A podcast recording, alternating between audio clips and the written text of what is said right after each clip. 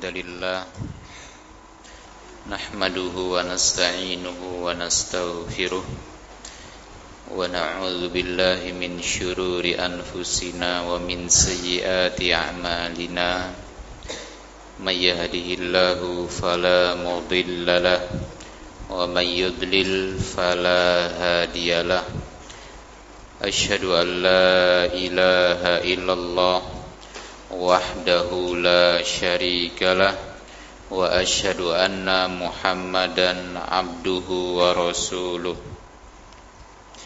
يا أيها الذين آمنوا اتقوا الله حق تقاته ولا تموتن إلا وأنتم مسلمون يا أيها الناس اتقوا ربكم الذي خلقكم من نفس واحدة وخلق منها زوجها وبث منهما رجالا كثيرا ونساء واتقوا الله الذي تساءلون به والأرحام إن الله كان عليكم رقيبا يا أيها الذين آمنوا اتقوا الله وقولوا قولا سديدا يصلح لكم أعمالكم ويغفر لكم ذنوبكم ومن يطع الله ورسوله فقد فاز فوزا عظيما أما بعد. فإن أصدق الحديث كتاب الله وخير الهدي هدي محمد صلى الله عليه وسلم وشر الأمور محدثاتها فإن كل محدثة بدعة وكل بدعة ضلالة وكل ضلالة في النار إخواني في الدين رحمني ورحمكم الله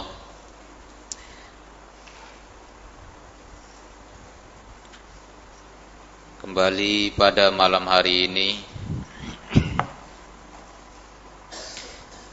Kita melanjutkan Kajian Syarah Dari pembatal-pembatal keislaman. Kita telah sampai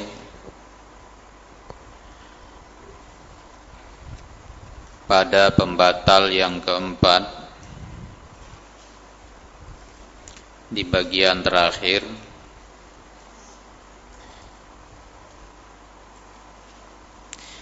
di halaman 74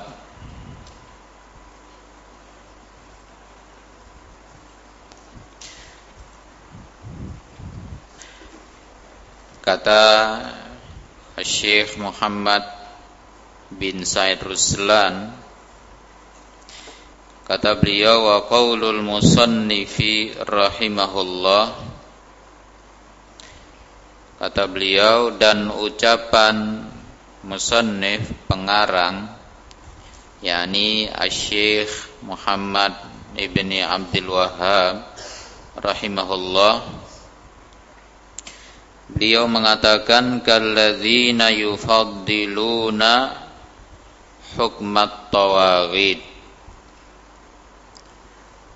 seperti orang-orang yang mengutamakan hukum tauhid seperti orang-orang yang mengutamakan hukum tauhid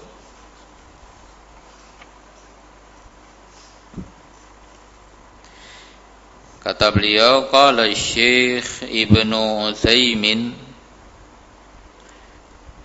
rahimahullah telah berkata Syekh Ibnu Utsaimin semoga Allah merahmati beliau fil qaulil mufid dalam kitab beliau judulnya Qaulul Mufid.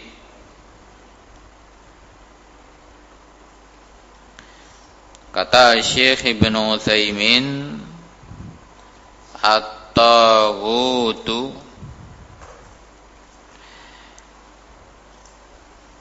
Togut ya kata togut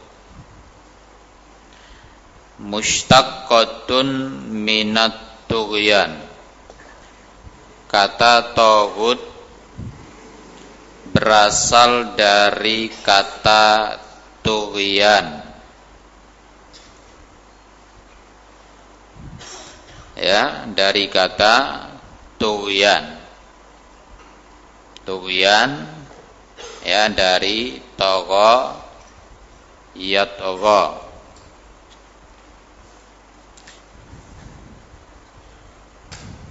Tughyan itu masdarnya ya, tughyan masdarnya.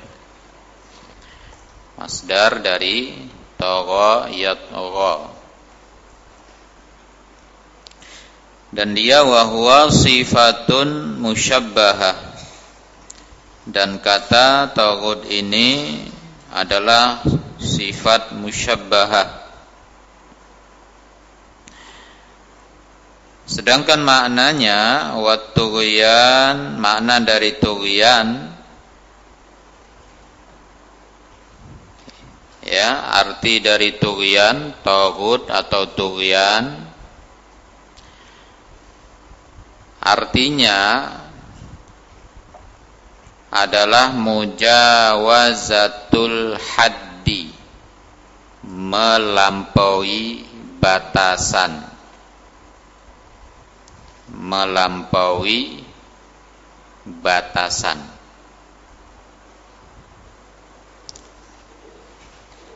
Melewati batas. Sudah lewat batas. Itu arti togut atau tuian artinya ada lewat batas.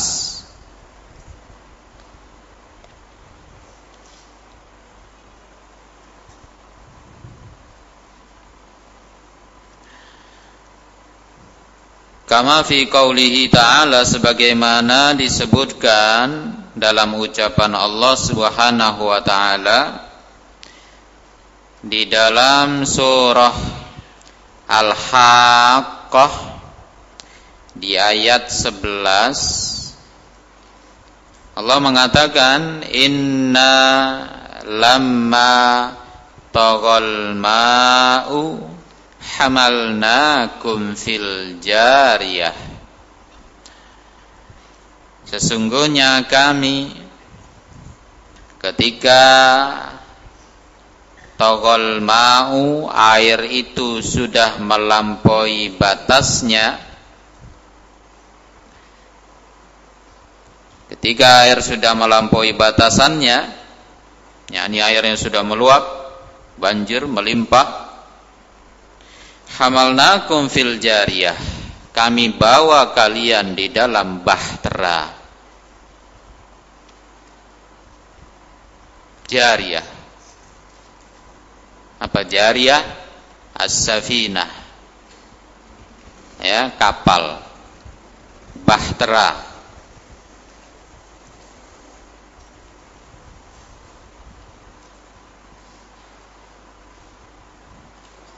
Nah, artinya di sini Allah mengatakan sesungguhnya kami tatkala air itu togo lama togol ma'u ketika air itu togo artinya apa? Aitajawaza haddahu air itu sudah melewati batasannya dan melewati batasannya air kalau sudah kelewatan batas itu namanya ban banjir. Melimpah ruah. Luap.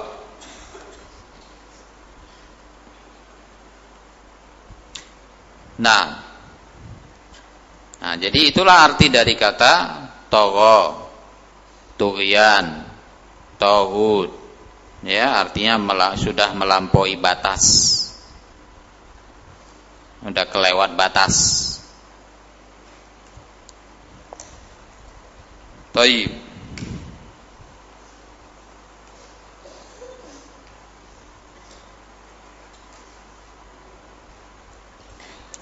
Lalu kata beliau wa ajma dan yang paling lengkap Makila fi ta'rifihi yang disebutkan ulama tentang definisi tagut banyak ulama memberikan definisi untuk kata tagut namun yang paling lengkap ajma paling lengkap adalah definisinya Al-Imam Ibnu Qayyim rahimahullah. Huwa ma dzakarahu huwa ma dzakarahu Ibnul Qayyim rahimahullah. Definisi yang paling lengkap adalah apa yang disebutkan oleh Imam Ibnul Qayyim rahimahullah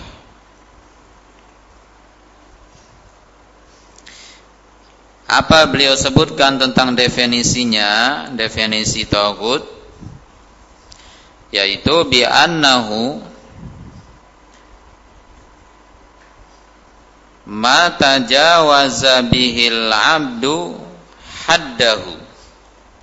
Tagut adalah sesuatu yang menyebabkan seorang hamba melampaui batasannya.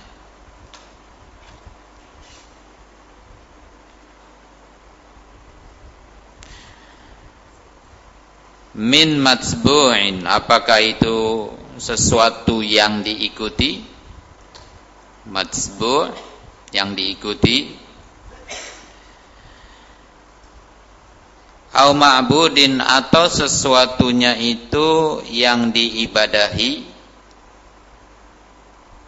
au muta'in atau sesuatunya itu yang ditaati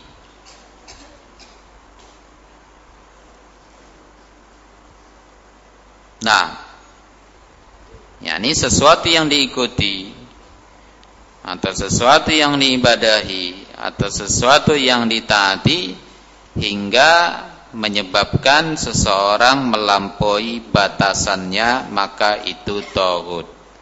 Maksudnya kata beliau wa muraduhu man kana radiyan bidzalik. Maksudnya orang yang ridho dengan hal itu.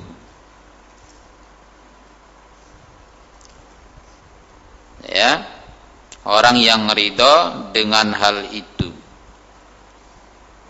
Au yuqalu atau dikatakan huwa taghut bi'tibari abidihi wa tabi'ihi wa muti'ihi. Atau dikatakan dia menjadi tagut dengan melihat orang yang mengibadahinya atau orang yang mengikutinya maupun orang yang mentaatinya. Karena li'annahu tajawaza bihi haddahu. Karena dia karena sesungguhnya dia melampaui dengannya batasannya. Haitsu nazzalahu fawqa manzilatih. Yang mana dia menempatkannya di atas kedudukannya bukan pada tempatnya.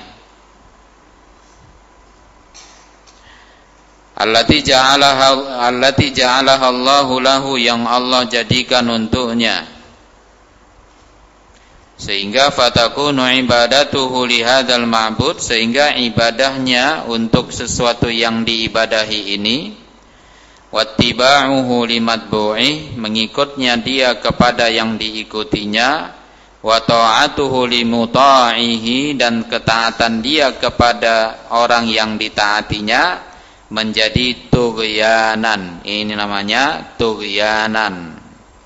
Perbuatan melampaui batas limujawazatihil had bidzalik karena dia melampaui batasannya dengan hal itu. Nah, nah, jadi bentuknya ada tiga ya, sesuatu yang diikuti, sesuatu yang ditaati, sesuatu yang diibadahi. Nah, sesuatu yang diikuti, sesuatu yang diibadahi, sesuatu yang ditaati. Apa contohnya? Beliau contohkan. Fal madbu ya. Togut yang bentuknya sesuatu yang diikuti. Seperti mislu al-kuhan.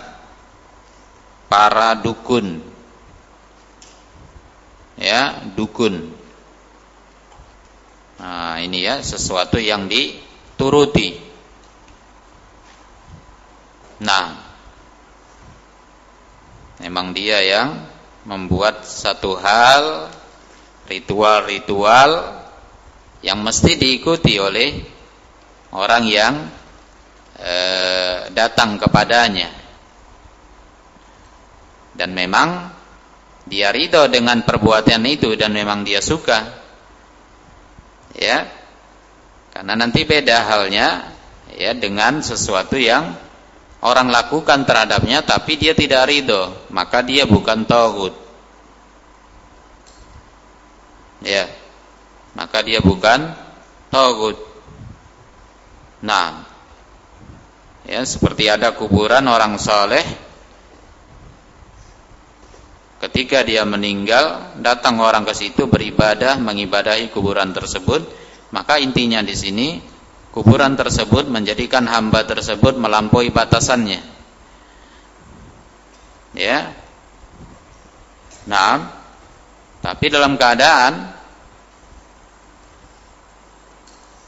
orang soleh atau nabi yang memiliki kubur tersebut tidak meridhoi tentunya nah, maka ini tidak disebut dengan tauhid tapi pelakunya disebut dengan seorang yang melakukan kesyirikan.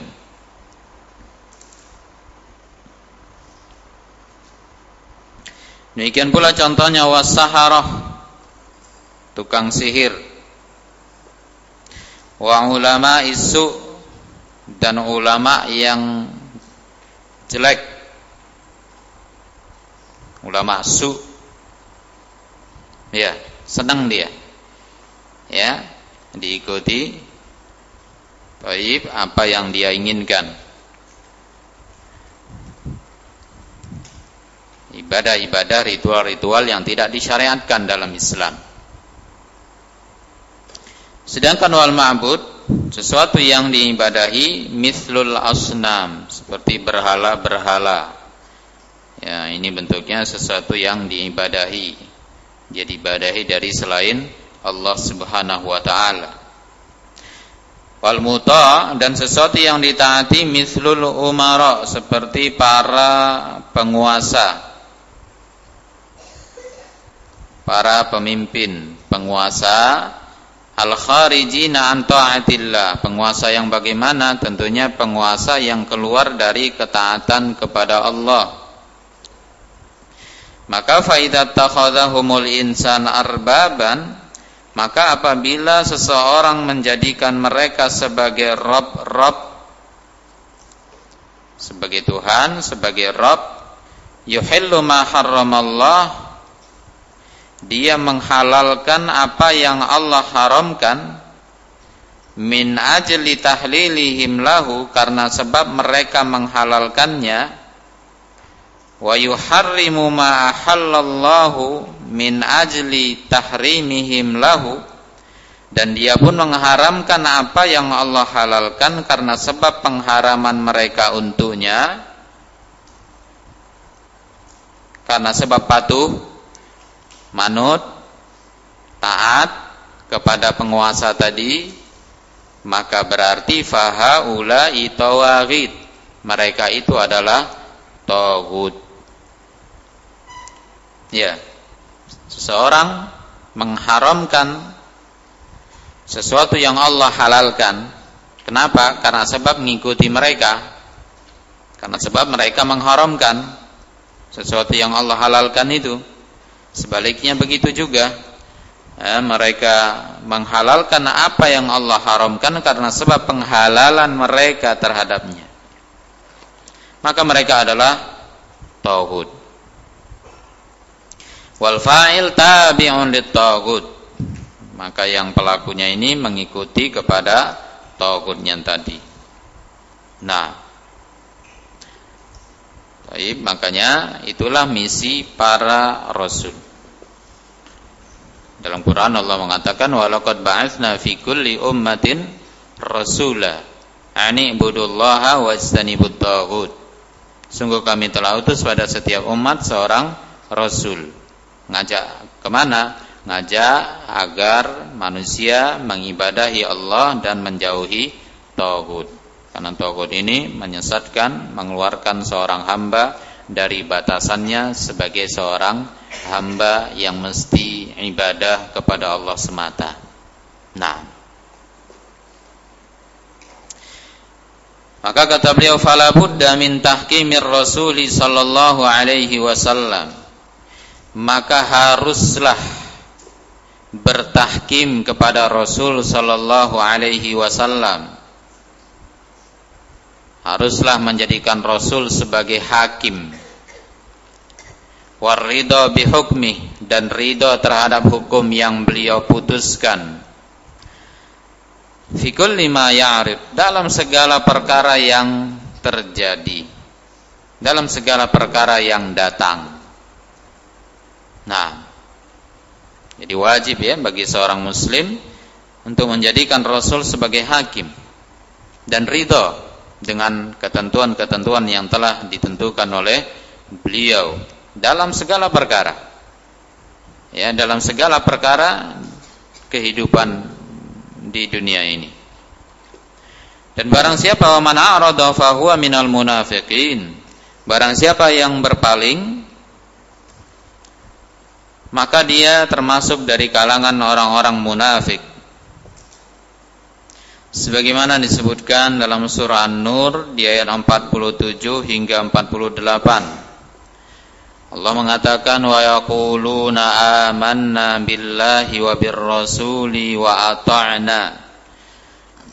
Kata Allah dan mereka berkata kami beriman kepada Allah dan kepada Rasul wa ata'na dan kami taat Thumma yatawalla fariqum minhum min ba'di dzalik.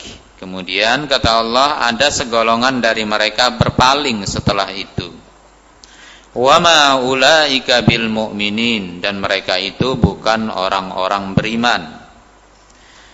Wa idza du'u ila Allahi wa rasulih dan apabila mereka diajak kepada Allah dan Rasulnya untuk berhukum liyahkum bainahum untuk berhukum di tengah-tengah mereka Ida fariqum minhum mu'ridun maka ada segolongan dari mereka yang berpaling.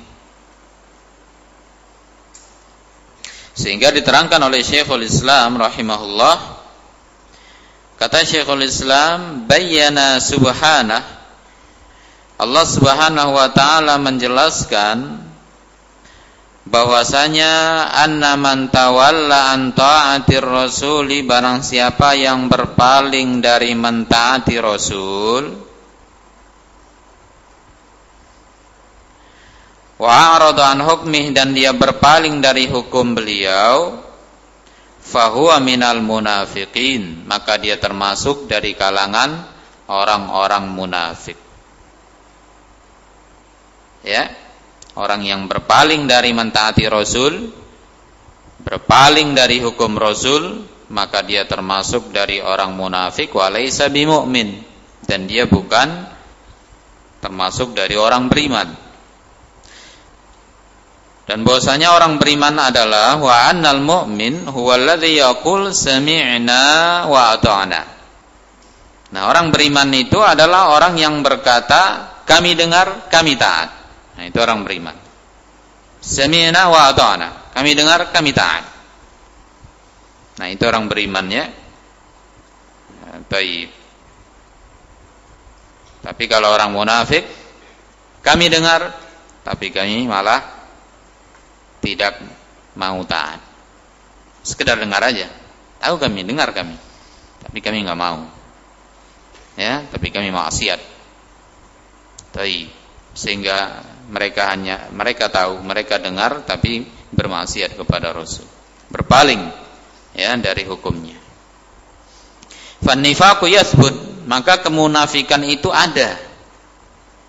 Wa yazulul iman dan keimanan itu bisa hilang bimujarradil i'rad dengan semata-mata berpaling an hukmir rasul dari hukum rasul sallallahu alaihi wasallam wa iradati tahakum ila ghairi. Dan keinginan untuk berhukum kepada selain rasul. Naudzubillah min dzalik nah. Nah selesai ya. Pembatal yang keempat.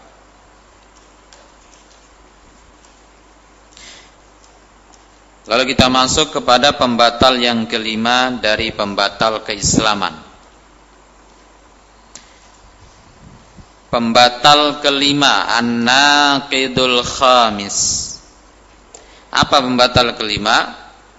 Syekh mengatakan Al-Khamisu man abghadu syai'an mimma jaa bihi rasul sallallahu alaihi wasallama walau amila bihi kafara. Nah, hati-hati ya. Ini pembatal kelima. Kata beliau barang siapa yang membenci sesuatu dari apa yang dibawa oleh Rasul sallallahu alaihi wasallam orang yang membenci sesuatu dari ajaran nabi ya siapa yang membenci sesuatu dari apa yang dibawa oleh Rasul sallallahu alaihi wasallam walau amila bih walaupun dia kerjain walaupun dia amalkan tapi dia benci nggak suka dia hatinya nggak nerima nggak rela ya benci hatinya maka kafaro orang seperti ini kafir ya seperti orang-orang muna munafik. Ya dibuatnya juga beramal juga dia seperti seorang muslim ya. Tapi mereka ben benci. Hatinya benci tidak menginginkannya. Maka mereka adalah orang kafir. Batal keislamannya. Allah membatalkan ya amal yang mereka lakukan. Dalilnya apa? Dalilnya wa dalil dalilnya qala ta'ala Allah Subhanahu wa taala berfirman dalam surah Muhammad di ayat 8 hingga ayat 9 kata Allah Subhanahu wa taala walladzina kafaru fata'sal lahum wa adalla a'malahum. Kata Allah dan orang-orang kafir maka fata'sal lahum maka kecelakaanlah bagi mereka. Ta'sal lahum. Ya ta'sun itu artinya celaka. Ta'isa artinya celaka. Ya ta'isa artinya celaka celaka. Baik, seperti dalam sabda Nabi ya, Ta'isa Abdul Dinar, Ta'isa Abdul Dirham, ya, Ta'isa Abdul Qatifah. Nah, dalam riwayat Ta'isa Abdul Khamisah, ya, nah, ini maksud Ta'isa di sini celak, celaka. Celaka pengabdi dirham, hamba dirham, celaka hamba dinar, ya, celaka hamba pakaian-pakaian yang indah, Nah. Maka kata Allah walladzina kafaru fata'sal lahum. Dan orang-orang kafir itu maka celaka bagi mereka wa adalla amalahum dan Allah menghapuskan amal mereka.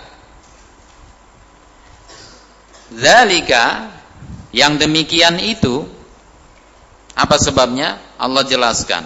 Yang demikian itu zalika bi annahum karihu yang demikian itu karena bahwasanya mereka membenci. Mereka benci karihu ma anzalallah.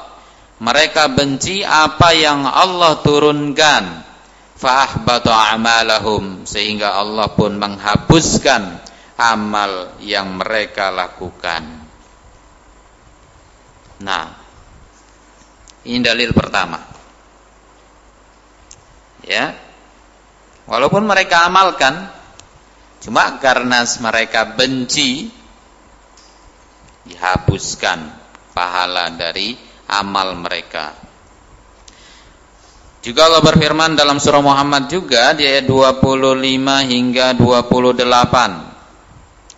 Kata Allah Subhanahu wa taala, "Innal irtaddu ala adbarihim." Sesungguhnya orang-orang yang mereka kembali ke belakang mereka, yakni kembali kepada kekafiran mereka. Mim ba'di ma tabayyana lahumul huda. Setelah jelas bagi mereka petunjuk, asyaitanu sawwala lahum wa amla lahum. Setan membuat mereka Eh, setan membuat mereka mudah untuk berbuat maksiat dan setan memanjangkan angan-angan mereka.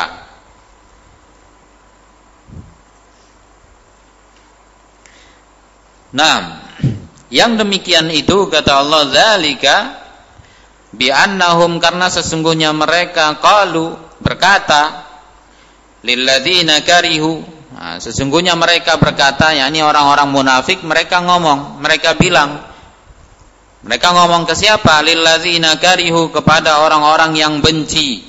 Manazzalallah apa yang Allah turunkan. Mereka ngomong kepada orang-orang yang benci kepada agama Allah, yaitu orang-orang Yahudi. Kata munafikin kepada orang Yahudi, sanuti'ukum fi ba'dil amr. Kami akan mentaati kalian dalam sebagian urusan wallahu ya'lamu israrahum dan Allah mengetahui rahasia rahasia mereka. Nah, Fakaifa idza tawaffathumul malaikatu yadribuna wujuhahum wa adbarahum. Nah, bagaimanakah ketika para malaikat mewafatkan mereka dalam keadaan malaikat memukuli wajah mereka dan punggung-punggung mereka. Zalika yang demikian itu bi'annahum karena bahwasanya mereka ittaba'u ma askhatallah mereka mengikuti apa yang Allah murkai. Wa karihu ridwanah malah mereka membenci apa yang Allah ridhoi.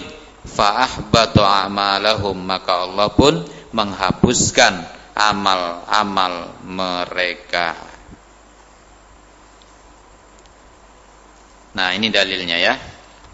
Di surah Muhammad di ayat 8 ayat 9 dan juga ayat 29 hingga ayat 28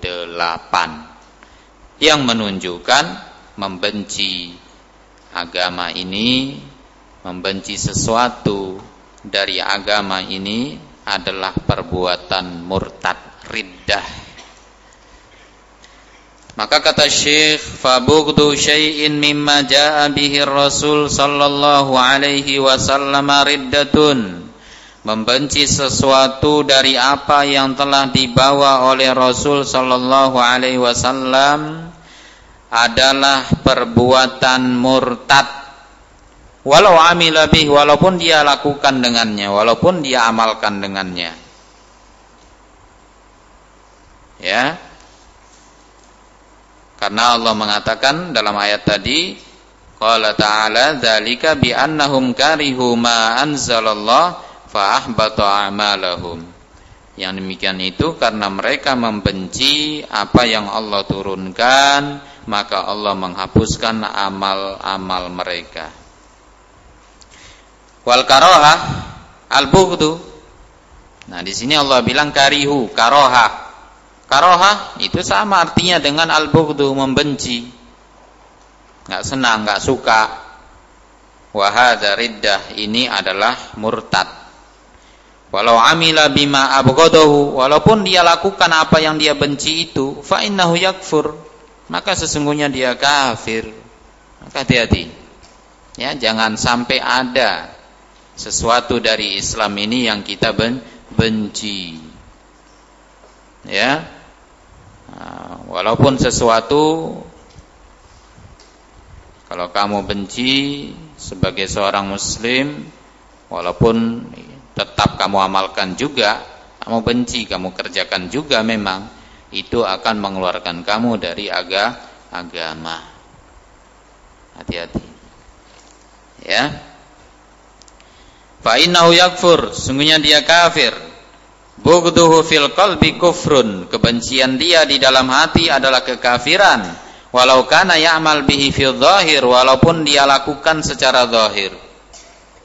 Kebencian dia di dalam hatinya itu ya, itu menyebabkan dia kafir walaupun secara zahir dia lakukan. Ya, secara zahir dia sama seperti kaum muslimin. Dia sama seperti sahabat.